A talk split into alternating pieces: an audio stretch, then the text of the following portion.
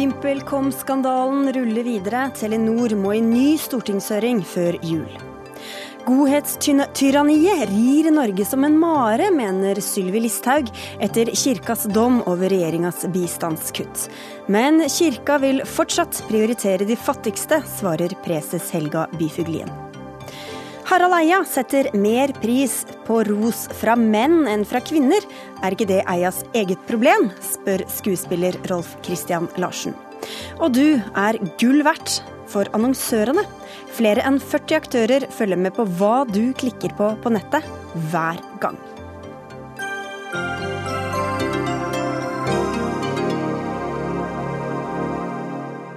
Og det er bare noen av temaene i dagens Dagsnytt 18 på NRK P2 og NRK2. Jeg heter Sigrid Solund. Det blir altså ny høring om hva Telenor har visst om den påståtte korrupsjonen i VimpelCom i Usbekistan. Det avgjør Stortingets kontroll- og konstitusjonskomité i ettermiddag. Det korrupsjonsmistenkte selskapet setter av 7,6 milliarder kroner til eventuelle utgifter i forbindelse med etterforskninga av eh, selskapet. Her hjemme blir Telenor, som eier 33% av aksjene i VimpelCom, etterforsket av Økokrim. Og leder i kontrollkomiteen, Martin Kolberg fra Arbeiderpartiet, hvorfor kom dere da fram til at dere vil ha en ny høring? Nei, Den eh, tunge begrunnelsen for dette er jo de opplysningene som har kommet fram nå i det siste, om at Stortinget ved sin forrige behandling, som jo foregikk både i komiteen, i åpen høring og i plenum, eh, fungerte på ikke fullstendig grunnlag.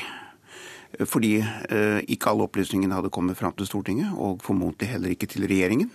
og Derfor er det nødvendig å gjenoppta saken. Og da er det to eh, grunnleggende årsaker til det, ved siden av det jeg nettopp har sagt. Det er behovet for å sjekke ut på nytt og gå gjennom på nytt om statsråden og departementet i tilstrekkelig grad hadde kontrollert og gått igjennom dette med Telenor. Og det andre var selvfølgelig det som du nå nevner også i introduksjonen her, nemlig Telenors eventuelle ansvar, og jeg sier eventuelle ansvar, for korrupsjon i tilknytning til VimpelCom og Usbekistan. For da er det altså eh, opplysninger som næringsministeren har fått vite eh, at Telenor-topper har visst, som de ikke har gitt informasjon om da de var i høring hos dere? Ja, og heller da, hell, ja er svaret på det, det er riktig forstått. Men heller da heller ikke til ministeren før nå. Mm. Men hva er det dere håper, håper å oppnå da, med en ny høring? Nei, Dette er jo en del av det parlamentariske arbeid det er å få fram i full offentlighet hva det er som har skjedd. Slik at vi kan gjøre en, en politisk bedømmelse av dette. Og som jeg har sagt her før i dette studio, en så tung politisk markering at dette ikke gjentas. For uh, vi kan ikke ha det slik at fremtredende samfunnstopper, som ledelsen jo i Telenor er, uh, uh, ikke forteller sannheten til Stortinget. Det vil vi gjøre en tung markering på. Og vi vil oppnå det at vi får ytterligere fokus på at korrupsjon ikke er akseptabelt på noe punkt. Og du brukte ganske sterke ord da du fikk vite at de ikke hadde lagt alle kortene på bordet under den forrige høringa. Er dette et slags sånn takk, takk, for sist til Nei, Telenor? Jeg blir bare lei meg. Jeg har ikke noe behov for å være, være uh, la meg si, uh, utrivelig med Telenor i hele tatt. Telenor er et flott selskap. Og de har gjort veldig mye bra både i Norge og i utlandet. Så det er ikke det som er poenget. Men det er, poenget er at vi kan ikke være i den situasjonen at selskaper som selv om de ikke er majoritetseid eh, av norske interesser, eh, er i ytterkanten eller innenfor kanten av korrupsjon. Det er helt uakseptabelt og i strid med Stortingets vedtak og de lover som gjelder i Norge. Og det andre er at vi aksepterer ikke at det ikke snakkes sant i Stortinget. Nei, fordi, som du nevner, altså Dette er jo en sak som er under etterforskning i flere land. Økokrem etterforsker den i Norge. Hva er det dere øh, kan håpe å komme fram til som ikke kommer fram øh, under politiets etterforskning? Nei, altså Politiet må gjøre sitt, og jeg er helt konsekvent på at jeg aldri, selvfølgelig, som stortingsrepresentant uttaler meg om hva politiet og påtalemakten skal gjøre. De må gjøre sine vurderinger. Men de gjør sine vurderinger ut fra straffelovens bestemmelser, og det er bra og riktig. Og de går jo ofte på enkeltpersoner. For vårt anliggende er å få fram først og fremst regjeringen og statsrådens ansvar i dette. Det er vårt primære oppgave og ansvar. Men vi må, for å greie å vurdere det, så må vi også håndtere hva Telenor har gjort og hva de ikke har gjort. Og da vil jeg si at det finnes sikkert masse forret, forretningsjus i dette. Masse politiske lommer. Og vi har fått sånne hauger med forklaringer knyttet til dette. Men det er ikke det som er temaet. Temaet er moralen i dette. Korrupsjon er et stort internasjonalt problem. Og vi ser dessverre at internasjonale konserner runder nasjonale myndigheter gang på gang i mange land. Nå gjenstår å se hva som er det absolutt Eh, eventuelle lovbrudd her. Men politikken i dette er veldig nødvendig at politikerne og Stortinget, som det øverste demokratiske myndighet i Norge, har hånda på. Og det er det som er vårt ansvar. Og nå har jo allerede næringsministeren tatt grep eh, i form av at hun sa hun ikke lenger hadde tillit til eh, Aaser, som var styreformann. Dette er en sak som også går langt tilbake i tid, bl.a. mens Trond Giske, din egen partifelle, var næringsminister. Hva håper dere å bruke eventuell ny informasjon til i Stortinget? Det er å bruke det til det jeg nå nettopp har forklart eh, flere ganger, syns jeg. Dette er en, eh, for politikken fungerer jo på den måten at det gjøres mange vedtak som du kan si er veldig unyttige, da, fordi de ikke er materielle, men de har likevel en veldig tung autoritet. Og her vil jo, når vi kommer til sluttenden av dette, Stortinget bli invitert til å gjøre et konkret vedtak. Vi får takka deg i denne omgang, Martin Kolberg, og ønsker velkommen til lederen i eh, selskapet som det gjelder. Sigve Brekke, konsernsjef i Telenor, velkommen hit. Takk skal du ha. Du hørte Martin Kolberg. Forstår du at han og flere med ham er opprørt? Jeg har full forståelse for at eh, Stortinget ved kontroll- og konstitusjonskomiteen ønsker eh, svar på flere spørsmål. Og jeg skal gjøre hva jeg kan eh, for at de skal få svar på de spørsmålene. For jeg ønsker å ha en fullstendig åpenhet både mot Stortinget, men også mot departementet. Hvilken rolle spiller det for dere at det nå går mot en ny høring? Nei, Jeg er oppriktig lei meg for at det stilles nå spørsmålstegn med Telenors eh, tillit. Eh, hvis det er noe som Telenor virkelig skal stå for, så er det å være helt i verdensklasse når det gjelder arbeid mot eh, korrupsjon. Det å da få muligheten nå til å kunne jeg vil faktisk si gjenopprette noe av den tilliten gjennom å svare på de spørsmålene her, og gjennom også å snakke om de tiltakene som vi nå setter i verk for at dette aldri skal skje igjen. Det setter jeg bare pris på. Det har jo altså allerede, som vi har vært inne på, vært en høring. Da fikk ikke Stortinget all den informasjonen som forelå. Hvem er ansvarlig for det? Nei, Det var da før jeg overtok som konsernsjef. Jeg har sittet som konsernsjef bare i to og en halv måned. så jeg kan ikke... Du har vel kjennskap til saken, vil jeg tro? Ja da, jeg har kjennskap til saken. Og jeg ble bedt da, Det første jeg ble bedt om etter at jeg overtok for to og en halv måned siden, var en gjennomgang av hele Telenors eierskap i, eh, i VimpelCom. Eh, det gjorde jeg. Eh, det resulterte da i at styret i Telenor valgte å selge seg ut av VimpelCom. og Det er en prosess vi har igangsatt. Men det gjorde også at det, eh, vi fikk tilgang til noe informasjon som var delt med etterforskende myndigheter, men som ikke var delt med statsråden. Og Det var bakgrunnen for at eh, den avgåtte styreformannen og meg sjøl gikk til statsråden med de, den informasjonen. Når fikk du vite om den informasjonen?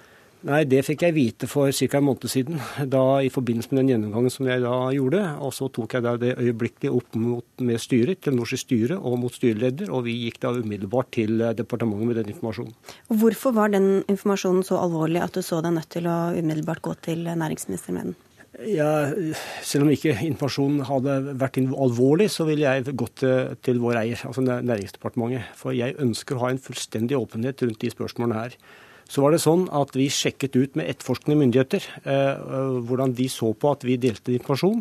Og vi fikk faktisk et pålegg fra etterforskende myndigheter om at dette måtte unndras offentlighet, for det var en så viktig del av etterforskningen. Eh, og Det var vi også åpne med mot, eh, mot, statsråden. Vi sa også at eh, vi råda statsråden til å dele den informasjonen her med Stortinget, altså med, med kontroll- og konstitusjonskomiteen. Men dere, du prøver nå altså å sette deg og finne ut alt i, i, denne saken. Og som du sier så er det snakk om hemmelig informasjon. Vi vet, jo, vi vet ikke hva den er, men den dreier seg da vel om mulig korrupsjon eh, hos VimpelCom, der Telenor altså har tre styreplasser.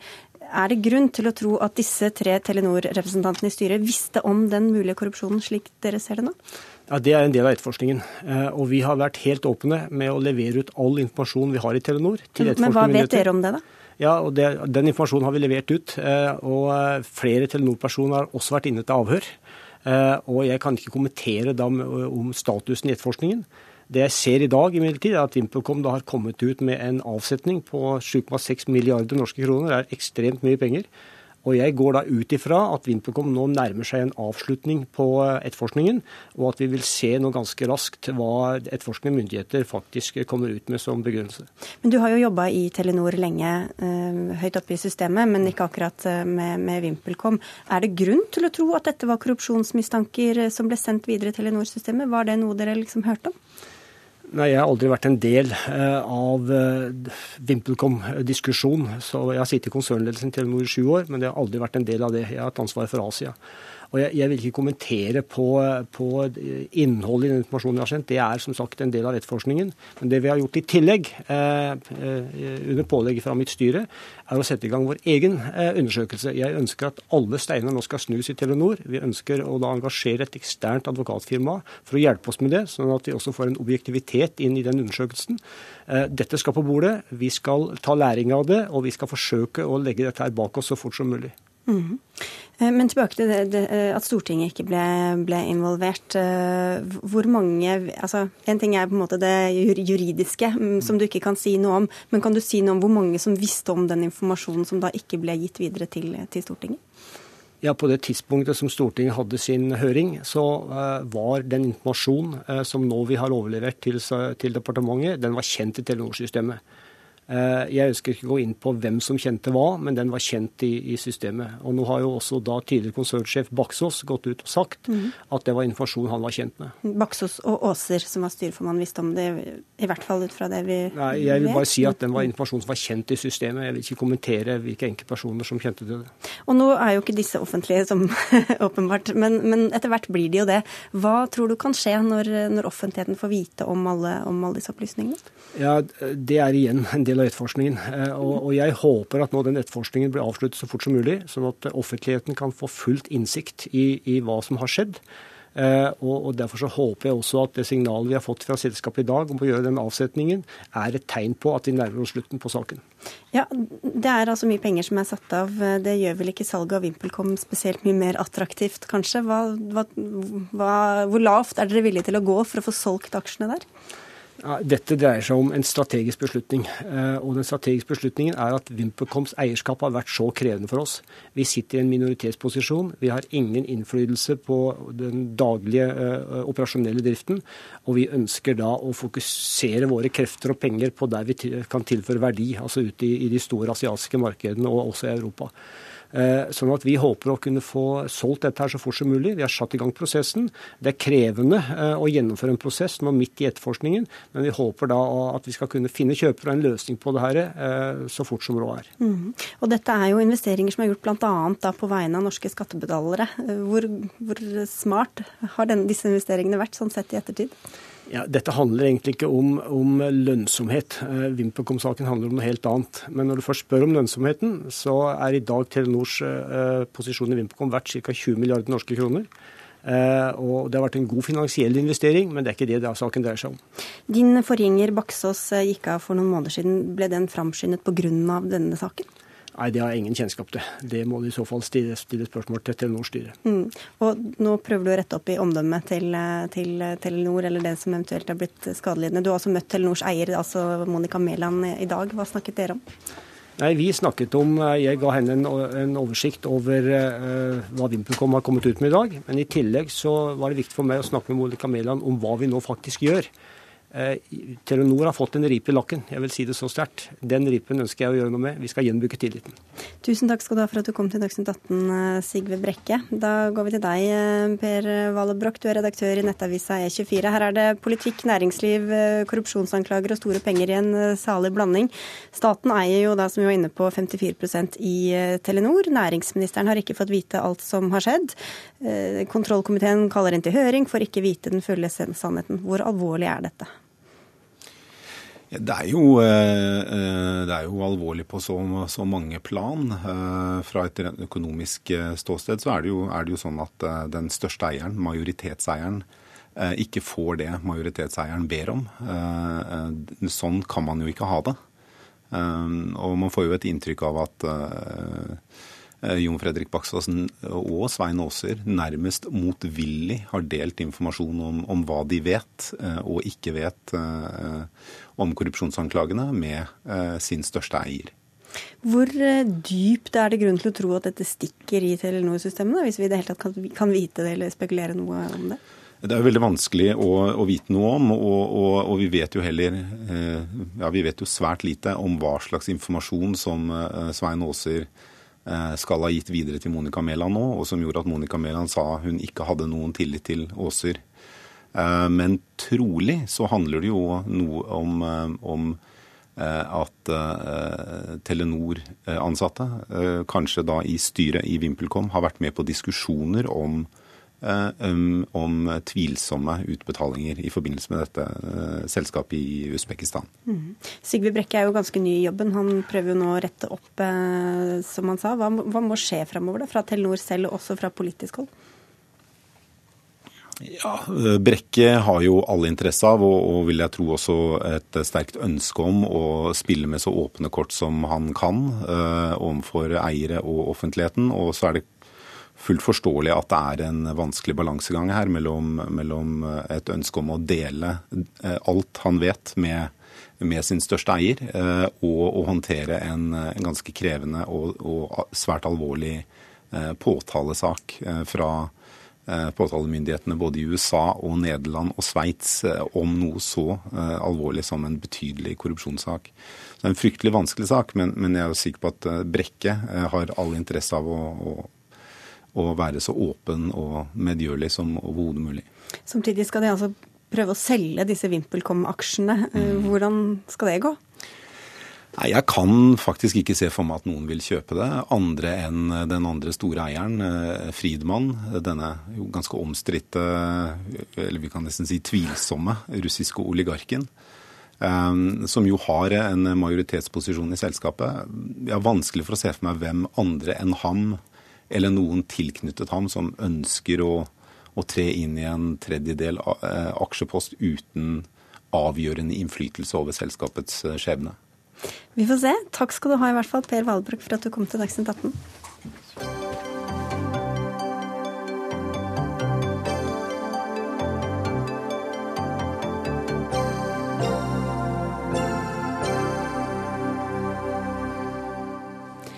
Stemples alle som tar til orde for en streng innvandringspolitikk som fæle mennesker? Det mener i hvert fall landbruksminister og sentralstyremedlem i Fremskrittspartiet Sylvi Listhaug. Før helga ble det klart at regjeringa vil ta mer enn fire milliarder kroner fra langsiktig bistand for å finansiere asyltilstrømmingen her hjemme. Dagen etter sa preses i Den norske kirke, Helga Haugland Byfuglin, at det å kutte i bevilgninger til fattige mennesker og land er uverdig. Og dette likte du ikke å høre, Sylvi Listhaug. Hva synes du om reaksjonen fra kirken? Kirkelig hold? Jeg syns man blander seg langt inn i eh, politikken på den måten som kirka opererer på. Det er jo ikke første gang heller. Men det som jeg tror er enda verre, er at det, mange opplever at det ikke er helt stuereint å si fra om at man er bekymra for utviklinga. Jeg snakker med folk som stemmer KrF, som stemmer på forskjellige parti. Og det flere og flere sier, er at man er svært bekymra for framtida. Fordi at hvis den tilstrømmingen av asylsøkere fortsetter, så kommer det til å ha konsekvenser for våre barn og barnebarn. de velferdsordningene som vi har i samfunnet, og de velferdstjenestene som vi har.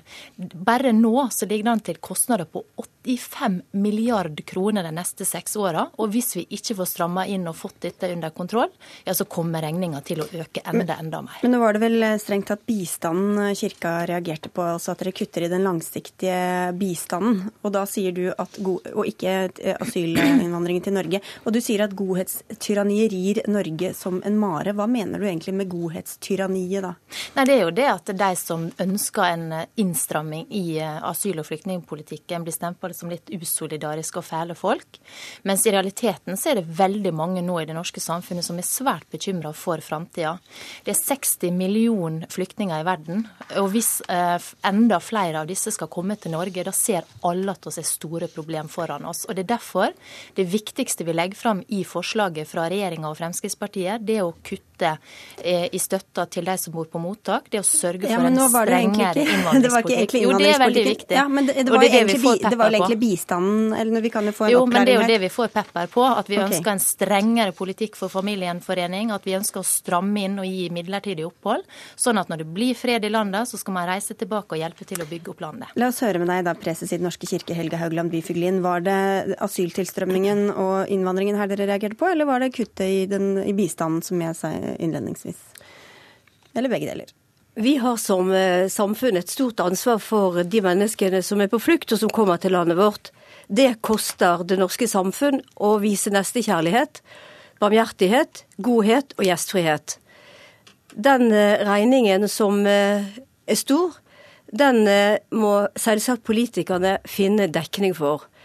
Det som kom i tilleggsproposisjonen nå, viser at man tar adskillige av det beløpet fra de fattige.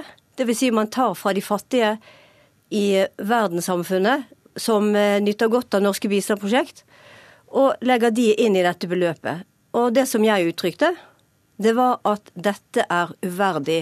Og det mener jeg fordi at det ikke er i tråd med de eh, verdiene som vi legger til grunn i vårt samfunn, nemlig å vise både nestekjærlighet og en humanistisk holdning. Og dette er ikke enkle løsninger. Og vi har aldri sagt fra Kirkens side at alle skal få komme til Norge, men vi ønsker å utfordre oss alle til å se hvordan vi skal være et gjestfritt folk. Men hvis dere først da skal på en måte legge dere opp i budsjettet, har dere da et alternativt eh, forslag til betaling eh, for disse asylsøkerne som kommer? Det er myndighetene og regjeringen som eh, skal finne politiske løsninger. Kirkens oppgave å holde frem verdiene som handler om å vise godhet og se til de nødstedte. Og det forslaget som ligger fremme, gjør ikke det. Tvert imot så reduserer det muligheten for svært mange i det sivile samfunnet til å drive langsiktig bistandsarbeid. Men jeg mener når man først begynner å leke politiker, da må man ta det helt ut. Og så må man komme også med forslag til inndekninger, som er den vanskelige delen av det. Og jeg er jo allerede utfordra Kirka på at kanskje vi kan kutte en del på budsjettet deres. De får nesten en halv milliard kroner over statsbudsjettet, så la oss ta 100 millioner derfra f.eks.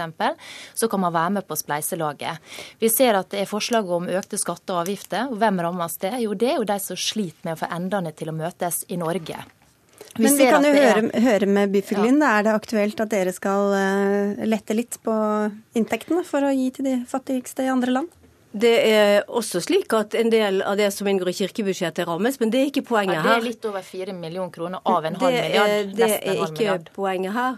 Poenget er de store kuttene som eh, går av de beløpet som er til de fattigste, og som eh, etter vår oppfatning ikke er i tråd med den forpliktelsen som vi har som land i forhold til de fattige i verden. Men er det ikke eh, rett i kjernen til kirka da, egentlig, å bry seg om de som har det verst, og tenke på de som har minst i verden? Nå er dette her en veldig politisk diskusjon i Norge, der det står ulike meninger mot hverandre. Når man går ut på den måten som kirka gjør, så tar man side. Om Det har bistand? man, det har det man gjort i mange andre spørsmål også, og det er jo helt normalt at land bruker av flyktningbudsjettet for å, å dekke denne type regninger. Det er Sverige. De dekker faktisk 20 milliard kroner over flyktningbudsjettet, eller bistandsbudsjettet. Det samme gjør Europa. Det vi snakker om nå, er altså en regning over seks år på 85 milliard kroner. Hvis vi ikke får stramma inn flyktning- og innvandringspolitikken, så snakker vi om enda større beløp. Og det er det som gjør at folk er bekymra for barn, barnebarn, at det blir kutta i velferdsordninger og velferdstjenester på sikt skal- hvis man ikke får dette under kontroll. Skal ikke kirka da kunne eh, uttale seg om noe som helst av samfunnsspørsmål? Ja, hvis man først begynner å blande seg inn i det som er høyst politiske spørsmål, så hadde jeg i hvert fall forventa at man da kom med indeksningsforslag. For det er jo alltid veldig lett å si at eh, nei, disse pengene må du ikke ta. Men det som er utfordringen, er å finne inndekning. Vi snakker her om 9,5 Mm. milliard kroner pga. den tilstrømminga som er til Norge. Eh, Det blir en kostnad som må dekkes inn, og da kan jo Kirka gjerne være med på å bidra til det, gjennom at vi kan kutte mer i deres budsjett, og så kan vi vise solidaritet gjennom det. Det er en del av kirkens kjerneverdier og kjernebudskap. Det har vært helt fra begynnelsen av å ha et blikk på de nødstedte og de fattige og vise barmhjertighet. Det har alltid vært en utfordring til samfunn, helt fra Jesu tid og til i dag. Det er en utfordring for oss alle. Regningen er stor, det vil koste, og det som koster, vil vi merke. Vi er et av verdens best stilte land. Og her er- skal vi være med å vise en barmhjertighet og en gjestfrihet. Det betyr ikke at alle skal komme inn i landet. Det betyr at det må settes grenser. Det betyr at noen må sendes tilbake. Men å ta i denne sammenhengen dekning fra de fattige og gi til de fattige, det er det vi har kalt for uverdig. Men Forstår du at, det, at folk kan oppleve det som en dom over, dems, eh, over dem som uh, ubarmhjertige dersom de ikke er enig i den innvandring-, og flytting- og bistandspolitikken som dere da forfekter? Jeg tror vi alle har en oppfordring til hverandre om ikke å se på oss selv og hvordan andre omtaler oss, men å se hva vi sammen kan gjøre for å møte mennesker på flykt. Dette medmennesker de bærer på et håp om å bli møtt, og de har et håp om å bli møtt med verdighet og med gjestfrihet. Og det kan vi alle bidra til, både som myndigheter, som sivilsamfunnsorganisasjoner og som enkeltpersoner. Ja, Det er 60 millioner flyktninger i verden, og alle skjønner det at hvis vi skal få et stort antall til Norge, så kommer det til å få store konsekvenser. Det som er interessant også, så Kirka sier, det at det finnes en grense, men de vil ikke si hvor de mener den grensa er. Og når man først deltar i en sånn debatt, så forventer jeg jo det at det man har da definert en sånn grense når vi skal diskutere saka. Du sier at du nå teller på knappene om du skal melde deg ut av kirka eller ikke, men du er aktiv selv, eller i hvert fall glad i menigheten din på lokalplassen din. Men som kristen, da, hva, hva ville Jesus gjort, tror du? Nei, Jeg tror at Jesus ser det at vi er nødt til å hjelpe flest mulig. Og da handler det om å kutte i bistandsbudsjettet? Da handler det, ja, men Det må vi gjøre fordi at vi har enormt mange forpliktelser. Men at vi trenger å bruke pengene der flest mulig bor, og der du kan hjelpe flest mulig. Det var jo det Jesus var, var opptatt av, at du skulle hjelpe flest mulig. Og da handler ikke det om å hjelpe veldig mange i Norge. Og det bidrar kirkefellesskap til der hvor det er flest flyktninger. Det bidrar mange ulike bistandsorganisasjoner til. Og selvsagt er det sånn at det vil også utfordre oss der hvor vi bor. Og så er det jo fortsatt litt penger igjen på bistandsbudsjettet, da. Ja, Det er over 30 milliarder igjen, sånn at det er ganske mye penger for å si det forsiktig å fordele ut. Og Men, Norge er også et land som gir svært mye bistand, eh, og det eh, syns jeg også er viktig. Men konsekvensene blir store hvis det blir kuttet i denne størrelsen. Jeg håper at det ikke blir tilfellet. blir store for det norske samfunnet. Det er snakk om 85 milliarder kroner på seks år. Så får vi se hva som blir enden på visa når KrF og Venstre også har fått en labb med i budsjettet. Takk skal dere i hvert fall ha begge to, Sylvi Listhaug og Helga Haugland Byfuglien.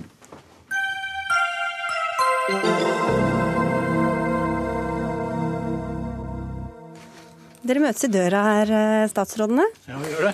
Det er fint at vi treffes i ny og ne. For det er ikke bare kontrollkomiteen på Stortinget som har eh, vært eh, i sving i dag. Justiskomiteen hadde åpen høring, og justisminister Anders Anundsen måtte svare om den midlertidige bevæpninga av politiet. Blant annet kom det spørsmål om de 22 vådeskuddene som har vært utløst siden den midlertidige bevæpninga begynte 25.11. i fjor. Justisminister Anders Anundsen, hvordan ble dere oppmerksomme på dette problemet med vådeskudd? Ja, Nå er det 23 vådeskudd faktisk eh, i dag som eh, er rapportert eh, om. Eh, og vi har jo bedt om ulike rapporteringer knytta til eh, eventuelle uheldige omstendigheter eh, rundt den midlertidige bevæpningen. Men det har ikke vært noen rapporteringsrutiner for denne typen spørsmål tidligere. Det kom gjennom media? Ja, altså det, det har ikke vært noen rapporteringsrutiner fordi det har vært politimesterens ansvar å håndtere vådeskudd i perioden før en hadde midlertidig bevæpning. Det er det fortsatt. Men det som har vært viktig for oss, er jo at vi skal få en bedre oversikt over hva som er de faktisk uheldige hendelsene. Og etter hvert så kom det jo medieoppslag om hendelser hendelser som vi ikke var eh, oppmerksom på. og Da gjorde vi noen endringer både på rapporteringene, men også i våpeninstruksen, som gjorde at vi instruksfesta rapportering både til Politidirektoratet og til departementet. Men du innrømmet under høringa at Justisdepartementet ikke hadde nok kunnskap om vådeskudd og, og om de negative konsekvensene av bevæpnet politi. Hvordan kunne dere innføre midlertidig bevæpning uten å sette dere ordentlig inn i konsekvensene? Ja, det, er, det du sier nå er helt feil. Det jeg sa var at vi ikke hadde fått rapporter om de vådeskuddene som faktisk var skjedd. Eh, på det første halvåret hvor denne midlertidige bevæpningen var. Det er noe helt annet enn at ikke vi hadde kunnskap om dette. For vi hadde masse kunnskap, men eh, det er jo den faglige vurderingen til Politidirektoratet som i hovedsak har ligget til grunn for den vurderingen som vi har gjort i, i departementet, for å være trygge på at vi gir de som skal beskytte oss, nemlig politiet, de verktøyene de trenger for både å beskytte seg selv og uh, oss andre. Og så, så, den fremstillingen din var ikke helt, uh, det var ikke helt spot on. Jeg leste bare et, et referat her, jeg. Du, du må ikke tro alt du leser leser i, på nettavisene. Ah, ok. Men, men eh, det som har vært viktig for oss, er jo at vi i tillegg til å vite hva vi snakker om, skal vite hva som faktisk skjer etter at eh, en har innført denne midlertidige bevæpningen. og Derfor har vi innført et annet rapporteringsregime nå enn det det har vært før. PSTs trusselvurdering 27.10 viste at eh, trusselnivået er redusert. Betyr det da at nå blir det ikke mer forlengelse av midlertidig bevæpning? Nei, Det vet vi ikke ennå. Nå har Politidirektoratet den nye trusselvurderingen til eh, oppfølging hos seg, for de må da se hva slags risikoreduserende tiltak de mener er nødvendig å iverksette for å møte den nye trusselvurderingen. Eh, Det er jo en moderat nedgang i trusselbildet ifølge PST, og det er veldig positivt. Det er jo en god utvikling i motsetning til det vi har sett tidligere, hvor det har vært et stadig skjerpet trusselbilde. Eh, Det at det nå går riktig vei er bra. Eh, Og så må Politidirektoratet vurdere det at, hva det betyr for eh, den midlertidige bevæpningen. Og så vil de komme med sine konklusjoner, og så vil vi følge, følge opp senere. Forrige forlengelse av den midlertidige bevæpninga, selv om dere da endret litt på den, det skjedde da den 14. oktober. Hva skjedde da mellom 14. og 27. oktober, da PST satte trusselnivået lavere? Nei, Det som skjedde var at det var to forskjellige trusselvurderinger. Oppdateringen av den trusselvurderingen som lå til grunn for det siste samtykket vi ga, som gjelder fram til 10.12., opprettholdt det trusselbildet som eh, ble fremmet i eh, oktober 2014. Eh, Men det er da en oppdatering av eksisterende trusselvurderinger. Det vi nå har fått, er en helt ny trusselvurdering. Henger ikke disse tingene sammen? det, de Ja. henger sammen, og det er derfor det er viktig å understreke at den reduksjonen i trusselnivå er jo ikke så stor som en kan få inntrykk av. Altså Det er en moderat reduksjon av trusselnivå, eh, som PST-sjefen har vært veldig tydelig på. Og Det er jo derfor det også er viktig at det nå gjøres en skikkelig faglig vurdering i Politidirektoratet om hvilke konsekvenser dette har. Men man kan jo spørre seg hvor presise både disse vurderingene og også tiltakene egentlig er. Ja, Tiltakene er jo ganske presise. Vi vet jo ganske nøyaktig hva tiltakene er. Eh, Men det er selvfølgelig en utfordring med alle slike produkter at det er, jo ikke en, det er jo ikke en prognose. Det er jo ikke noe som sier at dette kommer til å skje, eh, eller at vi er sikre på noe som helst. Dette er jo eh, analyser basert på den internasjonale situasjonen, som er veldig krevende. Det er analyser basert på hva som er situasjonen i Norge, og PSTs vurdering har jo nå konkludert med denne reduksjonen bl.a. fordi den miljøet i Norge er annerledes nå enn det det var for et år siden, bl.a. gjennom at eh, jeg tror det var 18 som var drept i eh, Syria av eh, fremmedkrigere, at det er flere som i Norge er eh, arrestert og i en straffesaksprosess, og at det også påvirker rekruttering og de miljøenes evne til å gjennomføre eventuelle handlinger i Norge. Så dette er jo et sammensatt bilde. Og det er også tiltakene. Det handler om betydelig mer enn bevæpning. Og det er derfor Politidirektoratet nå bruker litt tid på å vurdere hvordan de skal følge opp denne trusselvurderingen fra PST. Og Ifølge Dagbladet så blir det slutt på den midlertidige bevæpninga på fredag. Er det Ja, Som jeg sier, så tror jeg ikke Yes du skal no? tro på alt det du, le det du leser, verken i Dagbladet eller andre steder. Eh, Dette er en vurdering som Politidirektoratet må gjøre på en skikkelig og grundig måte. Og så får de komme med sin faglige anbefaling. den som lever får se? Takk skal du ha, justisminister Anders Anundsen. Der var vi i gang igjen, vet du. Ros fra damer er rubler, anerkjennelse fra menn er eh, dollar. Det sa Harald Eia på premieren av programmet Ytring her på NRK P2 på søndag, som et bilde på at menn flest er mer interessert i bekreftelse fra andre menn enn fra kvinner. Så du skulle kanskje ønske det var Fredrik Solvang som satt her istedenfor meg, Harald Eia? Nei, da hadde jeg blitt usikker og Ja. fått prestasjonsangst. Ja, så er det bare ufarlig. Det er heldigvis ikke her for å gi deg anerkjennelse heller, men du har altså i kraft av din posisjon som sosiolog og komiker skapt litt bruduljer med denne ytringa. Hvorfor veier menns anerkjennelse tyngre for deg enn kvinner? Hmm, Det er på en måte sånn Det er ganske vanskelig å vite helt hvorfor det er sånn, hvis man bare kjenner, ser innover i seg selv hvorfor det er sånn. Og det er jo, jeg vil jo understreke at når jeg sier dollar og rubler, det er et bilde, da. Så skjevt er det tross alt ikke. Jeg blir veldig glad når damer gir tilbakemelding til meg. Um, men um, noen mener at det kommer av at menn har mer makt, og derfor er det en slags mer verdi, det de sier. Det kan godt hende. Eh, Det kan også handle om at det er et eller annet sånn Er det noe intuitivt at menn søker mot andre menn? At det er mer stat, at det er sånn digg med den der mannegreia? Eh, At det ligger noe sånn dypt emosjonelt under der? Det kan være noe man er blitt vant til fra man var liten. Jeg vet rett og slett ikke helt hvorfor, og det svarte jeg heller ikke på i den saken. Men at det har uheldige konsekvenser, det er det ikke noe tvil om. da. Hvorfor det? Eller hva er konsekvensene? Konsekvensene er, for det første er det jo uheldig for damene, selvfølgelig. Det er jo, jeg leser veldig mange sånne tekster om en sorg damer føler fordi de ikke blir sett. Fordi de ikke menn trykker like på Facebook-innleggene de legger ut. Jeg ser at de er frustrerte og sinte for når de sier ting i møter, så hører ikke noen etter. Så gjentar mennene akkurat det samme like etterpå, får kudos for det. Og så er det også uheldig for menn. Mm. Fordi de å rotte seg sammen sånn, det blir, kommer ikke noe særlig ut av det. Annet enn at det er litt gøy. Skuespiller Rolf Christian Larsen, du eh, reagerte litt på denne kronikken. Henger menns anerkjennelse høyere for deg også? Nei, for meg gjør det ikke det. Ehm, for meg så er posisjon på en måte det som teller, om det er en person jeg respekterer, eller om det er en eh, ja, en, en, person jeg ser opp til, da, det, det teller mye mer. Um, og som Harald er inne på, jeg òg har nok flere menn uh, på den lista, men det handler om andre ting enn jeg føler det uh, Harald beskriver. Da. Det, det, handler om nettopp dette som handler om posisjon og makt, og ikke skjønnet i seg sjøl.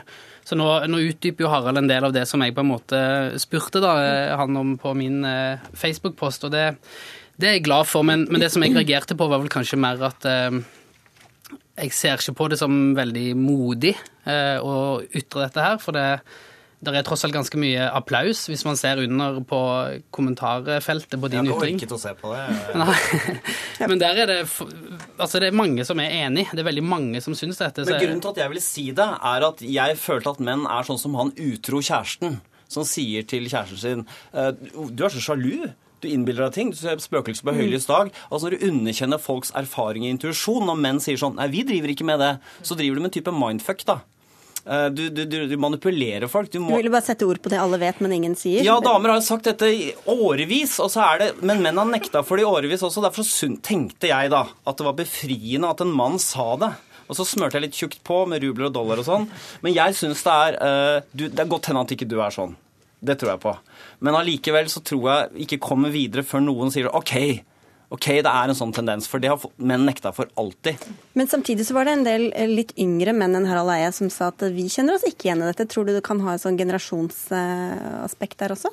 Ja, det tror jeg egentlig. Jeg tror det er en generasjonsting der. Ehm, og det kommer nok av den kvinnekampen som har blitt ført. At eh, vi har nok kommet nærmere et slags sånn ideal, da, der det selvfølgelig For det regner jeg med du mener, at det ja, jeg har to døtre. Jeg vil ikke at de skal bli oversett resten av livet. Jeg, ikke sant? jeg har ikke interesse av det. De har jo en far som kan se dem. Så det... det er sant. Ja, Vi har nok gradvis kommet uh, nærmere og nærmere. Um, og som jeg sier, jeg òg har flere mannlige forbilder. Men det, det handler jo om at f.eks. Eh, Clint Eastwood er et av mine forbilder som filmregissør. Og han kommer jo fra en tid hvor det var vanskeligere for kvinner å komme i den posisjonen som han er i. Så det, det er jo det jeg savna i på en måte kronikken da, litt mer eh, refleksjon rundt dette hvorfor og hva vi kan gjøre med det. Mm. Ja. Fordi vi må gjøre noe med det. Det kan jo ikke være sånn at, eh, at eh, Linn Skåber sitt kompliment ikke skal veie like tungt som Otto sitt. Vi kan jo høre, komme tilbake til det, men Katrine Aspaas, du er journalist og du er økonom, og du jubler over at Harald Eia sier dette. Men bringer det oss noe videre ja. i samfunnet at han sier det høyt? Ja, det gjør det. Eh, og jeg er utrolig glad for at eh, Harald Eia bruker eh, valutametafor, for det er helt riktig. Og det er en helt egen verdi at det akkurat er Harald Eia som skriver det.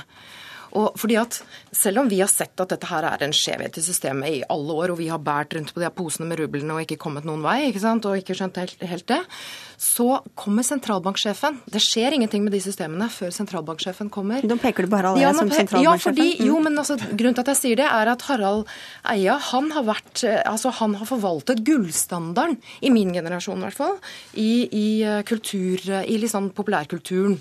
Du har jo, du jo, du har jo laget uh, Ironigenerasjonen. Vi forsøker jo å komme oss ut av den, men det går jo ikke an. Ja, komme ut av den.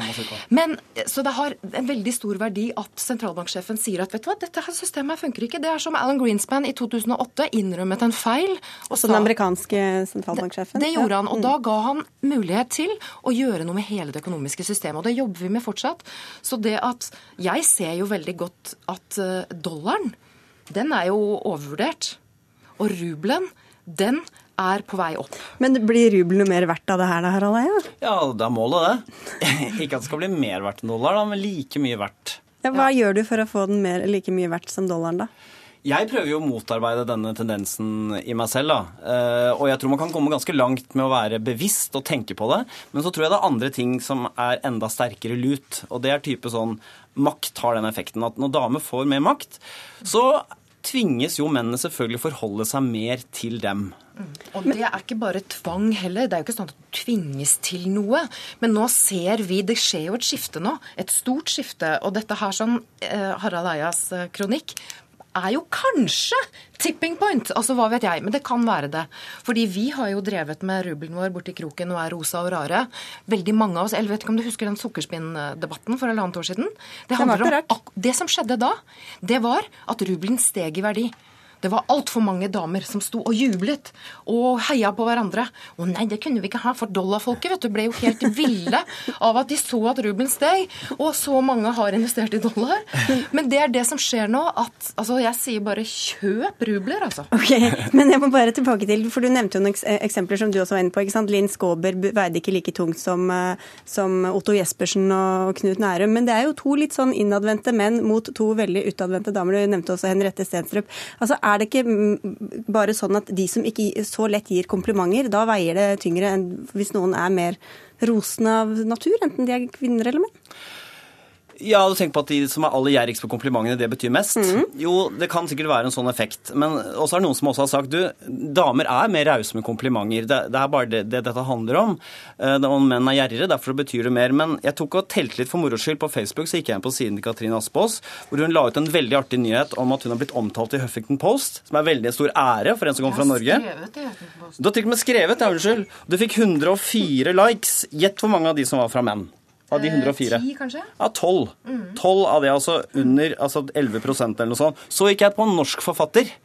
Birger Emanuelsen, som ikke er noen sånn mannemann, en veldig sånn solid fyr med hjertet på rette staden, på, sikkert på venstresiden, som la ut en litt sånn tilsvarende post om at han har fått god kritikk i en norsk avis. Han fikk 120 likes. Gjett hvor mange som var fra menn. 100. 102. Nei, det var 61 som var halvparten. Og det viser at menn er ikke urause. De er rause med andre menn. Men det beskriver jo det, det, beviser jo også dette som alle vet, at menn hører på menn. Kvinner hører på menn og kvinner. Og menn har ekstremt mye å tjene på, og hele samfunnet vårt og, og de nye strukturene vi skal lage, har enormt mye å tjene på at menn hører på kvinner, og kvinner hører på menn. Det er der vi kommer til å finne utviklingen. Dere er jo litt, hører jo til tre litt forskjellige yrker også. Larsen, hvordan er det du er skuespiller? Eh, hvordan, hva tror du kan gjøres da for at eh, kvinner skal, eh, kvinners anerkjennelse skal veie like tungt? Nei, altså det er jo For å ta det, da. Jeg er jo ikke uenig med Harald om at det, det er en tendens om at det er sånn. Det er jo viktig å på en måte understreke. Men jeg er mer opptatt av hva vi kan gjøre med det. Og for eksempel da jeg gikk på videregående, da, så, så, tenkte jeg nok at menn var bedre skuespillere. Og så brukte vi på en måte husker vi liksom lista opp alle i Hollywood, ikke sant, Al Pacino, og, og da kom vi til mye flere menn, og vi, vi holdt de høyere, på en måte. Og så har jeg blitt eldre, og så har jeg sett at dette handler jo ikke om skuespillerne, dette handler om rollene, dette handler om faget, dette handler om at det, det har i større grad vært menn som har skrevet manusene. Og det, det som jeg mener, er at det er i mye større grad en posisjonsting. Det handler mer om det enn det handler om kjønnet i seg sjøl. Um, i... Man hører at du ikke har gått med poser med rubler eh, lenge, for å si det sånn. Du mener at han er i, han er i fornektelse? Ja, litt. litt. At jeg er i fornektelse? Ja, altså, jo, men det, er, det, det tar veldig ja. lang tid å faktisk Altså, jeg tenker sånn, Grunnen til at vi kaller Harald modig, det er jo fordi at det er jo ikke modig å angripe folk, men det er modig å komme til selverkjennelse. Det er modig. Og så er det kanskje, kan det bli litt sånn pussige situasjoner på, i sosiale settinger framover, Harald? ja, det blir lite ros fra damene. Ja. Jeg må takke dere av her. Og hvis dere lurer på hvordan Linn Skåber reagerer på at eh, Eia da heller vil ha skryt av Otto Jespersen enn henne, må dere følge med på nrk.no ytring. Og vi må si tusen takk til dere tre i denne omgang, Harald Eie, Katrine Aspås og Rolf Christian Wersen. Ja, takk.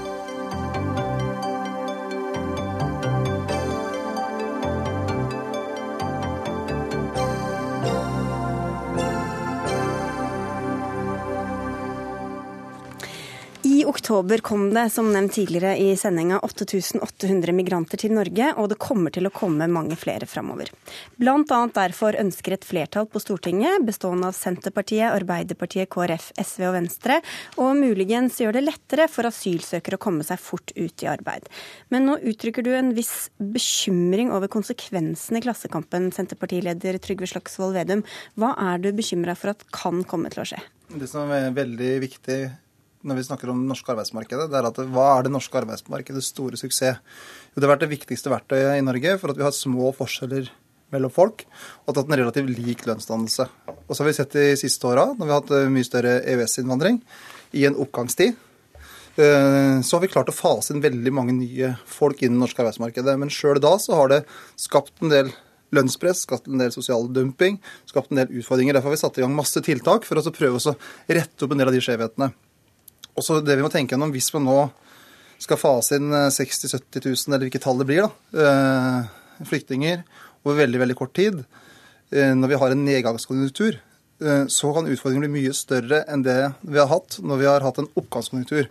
Og Det som jeg er opptatt av, er at vi må diskutere de her tingene. Vi må være ærlige på det. For at det norske arbeidsmarkedet er en suksesshistorie. og Da må vi tenke hvordan kan vi gjøre det her på en klok måte, på en god måte, så at vi ikke skaper større forskjeller mellom folk og mer konflikt. Ja, For du er redd for at de skal altså, ta potensielt uh, få lønningene en dumpa, og eventuelt ta over arbeidsplassene til folk, eller hva er det du er redd for egentlig? Ja, Det er et veldig reelt dilemma. Mm. For det ser vi nå at når ledigheten er litt på vei opp, så ser vi at en del av de EØS-innvandrerne som har kommet, de har mista jobben sin en del nå. Og Derfor så må vi passe oss for at vi ikke fører en politikk der vi skaper et veldig lønnspress i det norske arbeidsmarkedet, som gjør at de mer manuelle fagene, de praktiske fagene, får et veldig sånn press nedover. For at det er vi som har språket som vårt arbeidsverktøy, vi er beskytta av språket. Og vi får ikke det lønnspresset. Mens de som har den manuelle arbeidskrafta, de blir mye mer utsatt for veldig store endringer i arbeidsmarkedet. Så, så når vi stemte for det forslaget, så var det en vurdering. For alle ønsker jo at flyktninger skal komme så fort som mulig i arbeid som det, det, går an. Men så må vi ha en ærlig debatt og tenke, tenke gjennom konsekvensene, sånn at vi tar vare på det flotte arbeidsmarkedet vi har, der lønnsforskjellene er små. Og da må jeg høre med deg, da, Karin Andersen fra SV, om du er like bekymra over de potensielle konsekvensene? Jeg er bekymra over arbeidsmarkedet og utviklingen, og den utviklingen har vi sett lenge. Og sosial dumping og svart arbeid kom ikke med polakka heller, for å si det sånn. Det har vært her hele tida. Og det er jo en av grunnene til at jeg har vært med i arbeiderbevegelsen hele mitt liv og slåss for at vi skal være, ha et organisert arbeidsliv. Men det er litt rart å diskutere dette liksom Alternativet for disse flyktningene vi snakker om nå, er jo å sitte passive og ta imot ytelser. Og det vi vet passivitet fører jo også til at folk blir syke. At de får problemer med å få arbeid etterpå. Så dette handler jo om at dette er folk som skal få være her. Og at da er det lurt at de kan forsørge seg på ærlig arbeid så fort som mulig. For det er også en annen side av dette. Nå har vi altså en regjering som vil kutte i ytelsene. Folk skal sitte i årevis og stirre i veggen. Og da vet vi jo at det er lett å bli fanga inn i det svarte arbeidsmarkedet. Og det ønsker vi å unngå. Derfor må vi åpne opp for at det skal være lov å jobbe ærlig og ordentlig og forsørge seg på ærlig vis. Ja, hvorfor er det bedre at de da skal bare være passive mottakere, som ligger til byrde for samfunnet, og også det går utover dem selv? Jeg tror, jeg tror ikke vi er uenige i det som Karin Andersen her sa. For at alle ønsker at de som skal få bli, kommer så fort som mulig i arbeid. ja, her er det snakk om folk som ikke har fått permanent ja, og Det, det, som er veldig viktig også, hvis vi, Nå har vi bedt regjeringa om vurdering. Og vi har også en positiv, åpen holdning, men vi er veldig opptatt av at vi skal ha en ærlig debatt. For det vi også må tenke på hvis vi eh, utvider den muligheten for mye til midlertidig arbeidstillatelse, så kan det være at det kommer en del til det norske arbeidsmarkedet, som vet at de ikke kommer til å få rett til beskyttelse, men som ønsker å bruke den muligheten det er i den, i den tida de da kan jobbe midlertidig. Men, men, og det må vi tenke gjennom. Og utnytte systemet. For, det, for det kan være negativt for de som har rett til beskyttelse, for da vil vi få enda større press. Mm. Og så kan du få et press på det arbeidsmarkedet som vi i dag ser er pressa pga. økende ledighet. Ja, hvordan skal du gjøre ja, det? Eh, men der tror jeg vi er nødt til å være minst like bekymra, punkt én, for, for arbeidsinnvandringa innenfor EØS-området. Og jo, da er det ikke enkeltarbeidstakere som kommer, da er det firmaer og masse snusk og fanteri. for Men å si det hvordan skal du hindre at folk Men, bruker det som en god anledning til å komme og tjene penger et år eh, med jo, dårlige asylsøknader? Jo, det kan man gjøre på den måten. I dag så sorterer man eh, asylsøkerne på den måten at de, man, de vi vet ikke skal få bli, de blir behandla raskt. Mens de vi tror skal få bli, som har størst sannsynlighet, de blir satt bakerst i køen. Og mange av dem venter jo nå opptil et år, og noen enda lengre, før de får komme til asylintervju en gang. Da er vi nødt til å gjøre sånn at de vi tror kommer til å få bli, altså de som vi regner med skal bli bosatt i Norge, at de blir behandla raskt. Og så må de få en midlertidig arbeidstillatelse, sånn at alle som kan jobbe, får lov til å jobbe ærlig og redelig. Det tror jeg, for det er veldig mange som kommer til Norge nå, som kommer fra land der man ikke har så regulert eh, arbeidsmarked som vi har.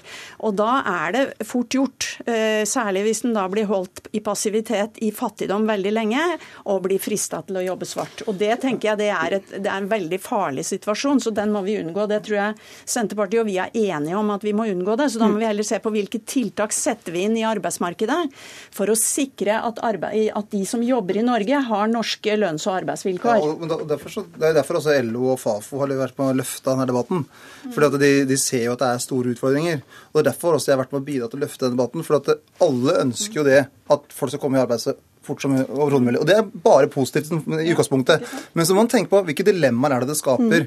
Og det som vi ser som er et stort problem eh, kan bli i arbeidsmarkedet, er at det er hvis lønnsforskjellene blir for store, og at vi får et lønnspress mot praktiske og manuelle yrker. Og Vi ser litt tendenser til det allerede, og vi har satt inn masse tiltak for å sørge for at den EØS-innvandringa som vi har lagt til rette for, ikke skaper de uheldige konsekvensene.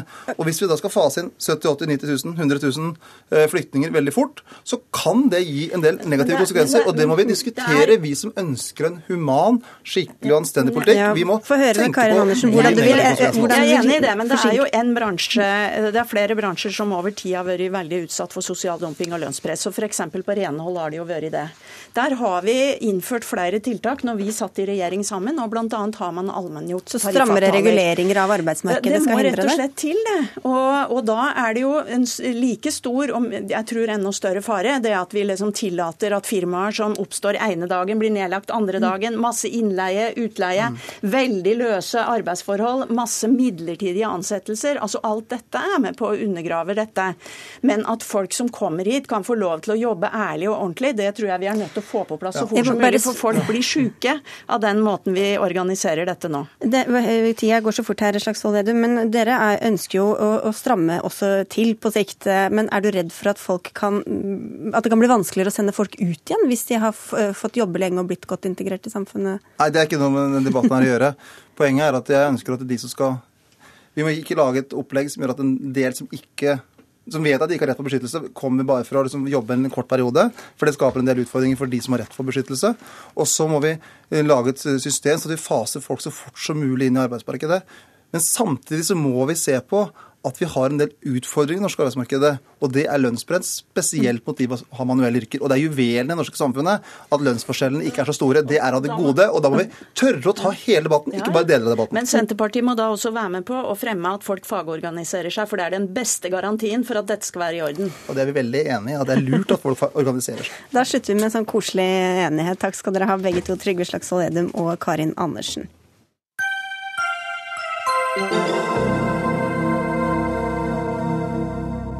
Har du lagt merke til at reklame for et produkt du nettopp søkte på, stadig dukker opp på diverse nettsider du besøker? Det er selvfølgelig ikke tilfeldig. Når du leser norske nettaviser, er det i snitt over 40 aktører som følger med på hva du klikker på. Det kommer fram i en ny rapport Datatilsynet presenterte i dag, som vi skal komme tilbake til. Men først, Torgeir Waterhouse, du er direktør for internett og nye medier i IKT Norge. Hva slags informasjon er det egentlig vi legger igjen på nettet? Det er mange typer informasjon, og du har jo forstått alt fra informasjon du selv putter inn i skjemaer, og det har du jo ganske god kontroll på, i hvert fall hva du skriver. Men eh, det som typisk eh, spores av oss, da, aktiviteten vår på forskjellige nettsteder, er eh, ja, Det kan være hvor vi kommer fra. Hvilket nettsted var det som leda deg hit? Hva var det du søkte på i en søkemotor som gjorde at du havna der du havna? Hvor du befinner deg hen. Det kan at du sitter i Oslo f.eks. Sammenstilt med annen informasjon som er kjent fra før, så kan man vite at du er en kvinne, bor i Oslo, har sånne interesser osv. Og, så og så aggregeres dette opp og brukes for å sy sammen tjenestene og, og, reklamen som du var inne på. Ja, for Hvem er det som er interessert i dette? Ja, Det er mange som bruker det. og Den type løsninger brukes jo av, fra alt for å, å gjøre nettjeneste som nrk.no bedre til å, å pushe reklame og selge tjenester og tilpasse tjenester. Og Det er alt fra små norske næringsdrivende som, som har en tjeneste, til de største internasjonale aktørene som, som lever av at du og jeg får mer lyst til å kjøpe. Direktør i Datatilsynet Bjørn Erik Thon, eh, dere har altså lagt frem en rapport. Det store kappløpet. Hvor bevisste er norske forbrukere på alt dette som vi legger igjen overalt? Eh, jeg tror at veldig få vet hva som egentlig foregår. Eh, det er nok sånn som du sa i innledningen, at man kanskje merker at det dukker opp en eller annen ja, reklame som ligner på noe du har søkt på. Eh, men at dette foregår i det omfanget eh, som vi nå har eh, jeg skal ikke si avdekket, for det er mange som vet dette fra før, men jeg bruker allikevel ordet avdekket, det tror jeg det er de aller aller færreste som, som vet. Bl.a. det at profilene våre selges akkurat som man selger en aksje. Så i det øyeblikk jeg går inn på en nettavis, så vil jeg gjerne lese en artikkel, men samtidig så legges profilen min ut for salg på en aksjebørs, nei, unnskyld, på en annonsebørs. Og den som eh, tenker at eh, ja, dette produktet, eller denne personen her har jeg lyst til å prøve å selge et produkt til, f.eks. at jeg blir profilert som en som er interessert i biler og hester, så kan jeg få reklame for det på nettsiden min idet den lastes ned. Så vi har blitt varen, og personopplysningene våre har blitt betalingsmidler for at vi skal få tjenester som f.eks. nettaviser. Men én ting er jo hvis vi logger oss på et sted eller vet, liksom skriver under på skjemaer, men hvordan får de vite ting uten at vi bevisst gir fra oss informasjonen, da? Ja, Det gjør de bl.a. ved at de plasserer små informasjonskapsler, cookies. og Det var jo det du refererte til i mm. begynnelsen her, at det var over 40 i gjennomsnitt på fem norske nettaviser eh, som sporer oss på nettet. Eh, og Den enkle varianten av det er f.eks. en eh, cookie som sier at jeg er norsk. Så neste gang jeg går inn på sas.no, så får jeg siden på norsk. Eh, de mer avanserte cookiene eh, er de som er plassert fra tredjeparter, altså andre enn det stedet jeg går inn og besøker. Og De kan følge oss rundt på nettet. Eh, de kan se hvor jeg surfer, hva jeg leser viser hvor lenge jeg leser det, hvordan jeg beveger meg fra sted til sted. Og de kartlegger interessene mine i detalj. Og jo mer sensitive opplysninger de har, jo mer juicy opplysninger de har om meg, jo mer får de for profilen min. Det er lett å bli paranoid av dette, da, Waterhouse? Ja da, og det, og det, er klart det at uh, dette er jo et, et, skifte i hvordan vi jobber med informasjon om hverandre, og hvordan det brukes. Det er jo for så vidt isolert sett ikke så mye nytt i det, bare at det er omfanget som er så mye større. Og muligheten til å gjøre det fort. Og som Bjørn Erik nevnte her, det kan, det kan skje endringer mens du er inne på en side. Men samtidig så skal vi huske på at dette er jo ikke noe som foregår i et vakuum. Eh, vi har mye næringsvirksomhet som er basert på dette. det norske mediemangfoldet. Og så får andre diskutere om det er et mangfold eller ikke. Men det norske mediemangfoldet det er finansiert langt på vei av reklame. Mm. Og Jo mer retta den reklamen kan være, jo mer betalingsvillig er det for, for, å få annonsen ut retta mot en av oss tre. Så, så, her må vi jo se på hva betyr dette egentlig. Hva er liksom omfanget, og hva brukes tjenestene til? Og så får man vurdere grensedragningene her. Og så handler det veldig mye om kompetanse, som Skjønner folk hva de, hva de gjør? Det gjør du vel ikke i noe særlig grad? Nei, mange gjør ikke det. Men... Problemet er at folk har ikke noen forutsetning for å skjønne det. fordi den informasjonen man får på et nettsted, den er i beste fall godt gjemt. Eh, sannsynligvis får man ikke noe informasjon om hva som skjer i det hele tatt. Eh, og Jeg har vært rundt og snakket en del om dette også fra folk som jobber med annonsering og markedsføring, og de skjønner jo ikke hva som skjer sjøl. Altså, dette er så ekstremt komplisert at det nesten er helt umulig å fatte hvordan disse, denne næringskjeden egentlig er. Men dere sier at dere skal eh, gjennomføre tilsyn mot norske mediehus ja. neste år. Hva går det ut på? Ja, Vi har vel ikke sagt direkte direkte mediehus, men de er i hvert fall en uh, interessant kandidat. Nei, vi må, vi må, vite mer om hva som foregår uh, på disse nettstedene. Vi har kartlagt dette markedet nå, uh, men vi har jo ikke vært inne og sett hvordan de faktisk gjør det. Og vi er veldig interessert i å vite f.eks. hva slags opplysninger er det som ligger der. På hvilken identitet er det? Er det sånn at det, det står nok ikke Bjørn Erik Thon på profilen, men det ligger antageligvis opplysninger der som gjør at du ganske enkelt kan koble en profil til meg. Men da går det fra, fra IP-adressen, eller altså fra datamaskinen du bruker? Da er det den som blir registrert? Eller? Det er sammensatt. Det er mange, mange forskjellige kilder mange. for dataene. Og, og, og, Der ligger også noe av utfordringen i hvordan vi skal håndtere dette. For det som er viktig å huske på, at alle er tjent med at vi lykkes godt med dette opplysninger om oss, om oss, som individer er en av nøkkelfaktorene i å bygge steinene i det digitale samfunnet. Så næringslivet som jeg representerer, mediene som du, som du er en del av, personverninteressene som Bjørn Erik skal, skal, representere, alt det er avhengig av å lykkes med dette. Og da handler det også om å se hvordan vi gjør endringer. Og være klar at mye av det vi prøver på nå, gjør vi også første gang. Så det er også mye prøving og feiling og justering som skal til. Men, men det er en grense for dette. Eh, jeg kan være mange gode grunner for at man skal få en reklame som man faktisk er interessert i eller ikke. Men når vi f.eks. vet at de profilene som man får best betalt for, det er for kvinner som er på slutten av svangerskapet sitt. Da, dette, da, da, har dette gått over en grense som vi er nødt til å stanse. Men jeg må jo si, Ut fra de reklamene de tilbyr meg noen ganger, så føler jeg ikke at de kjenner meg sånn kjempegodt heller. Det er lett å bli fornærma litt over hva som kan dukke opp på de nettstedene. Det, det var bare meg, det, kanskje. ja. Mange som har den opplevelsen. ok, Takk skal dere ha i hvert fall, eh, Bjørn Erik Thon fra Datatilsynet og Torja Waterhouse fra IKT Norge. Dagsnytt 18 er over, i dag. Vi er, eh, over for i dag. Vi er tilbake i morgen. Ansvarlig for innholdet var Dag Dørum. Det var Finn Lie som var teknisk ansvarlig. Og i studio Sigrid Elise Solund.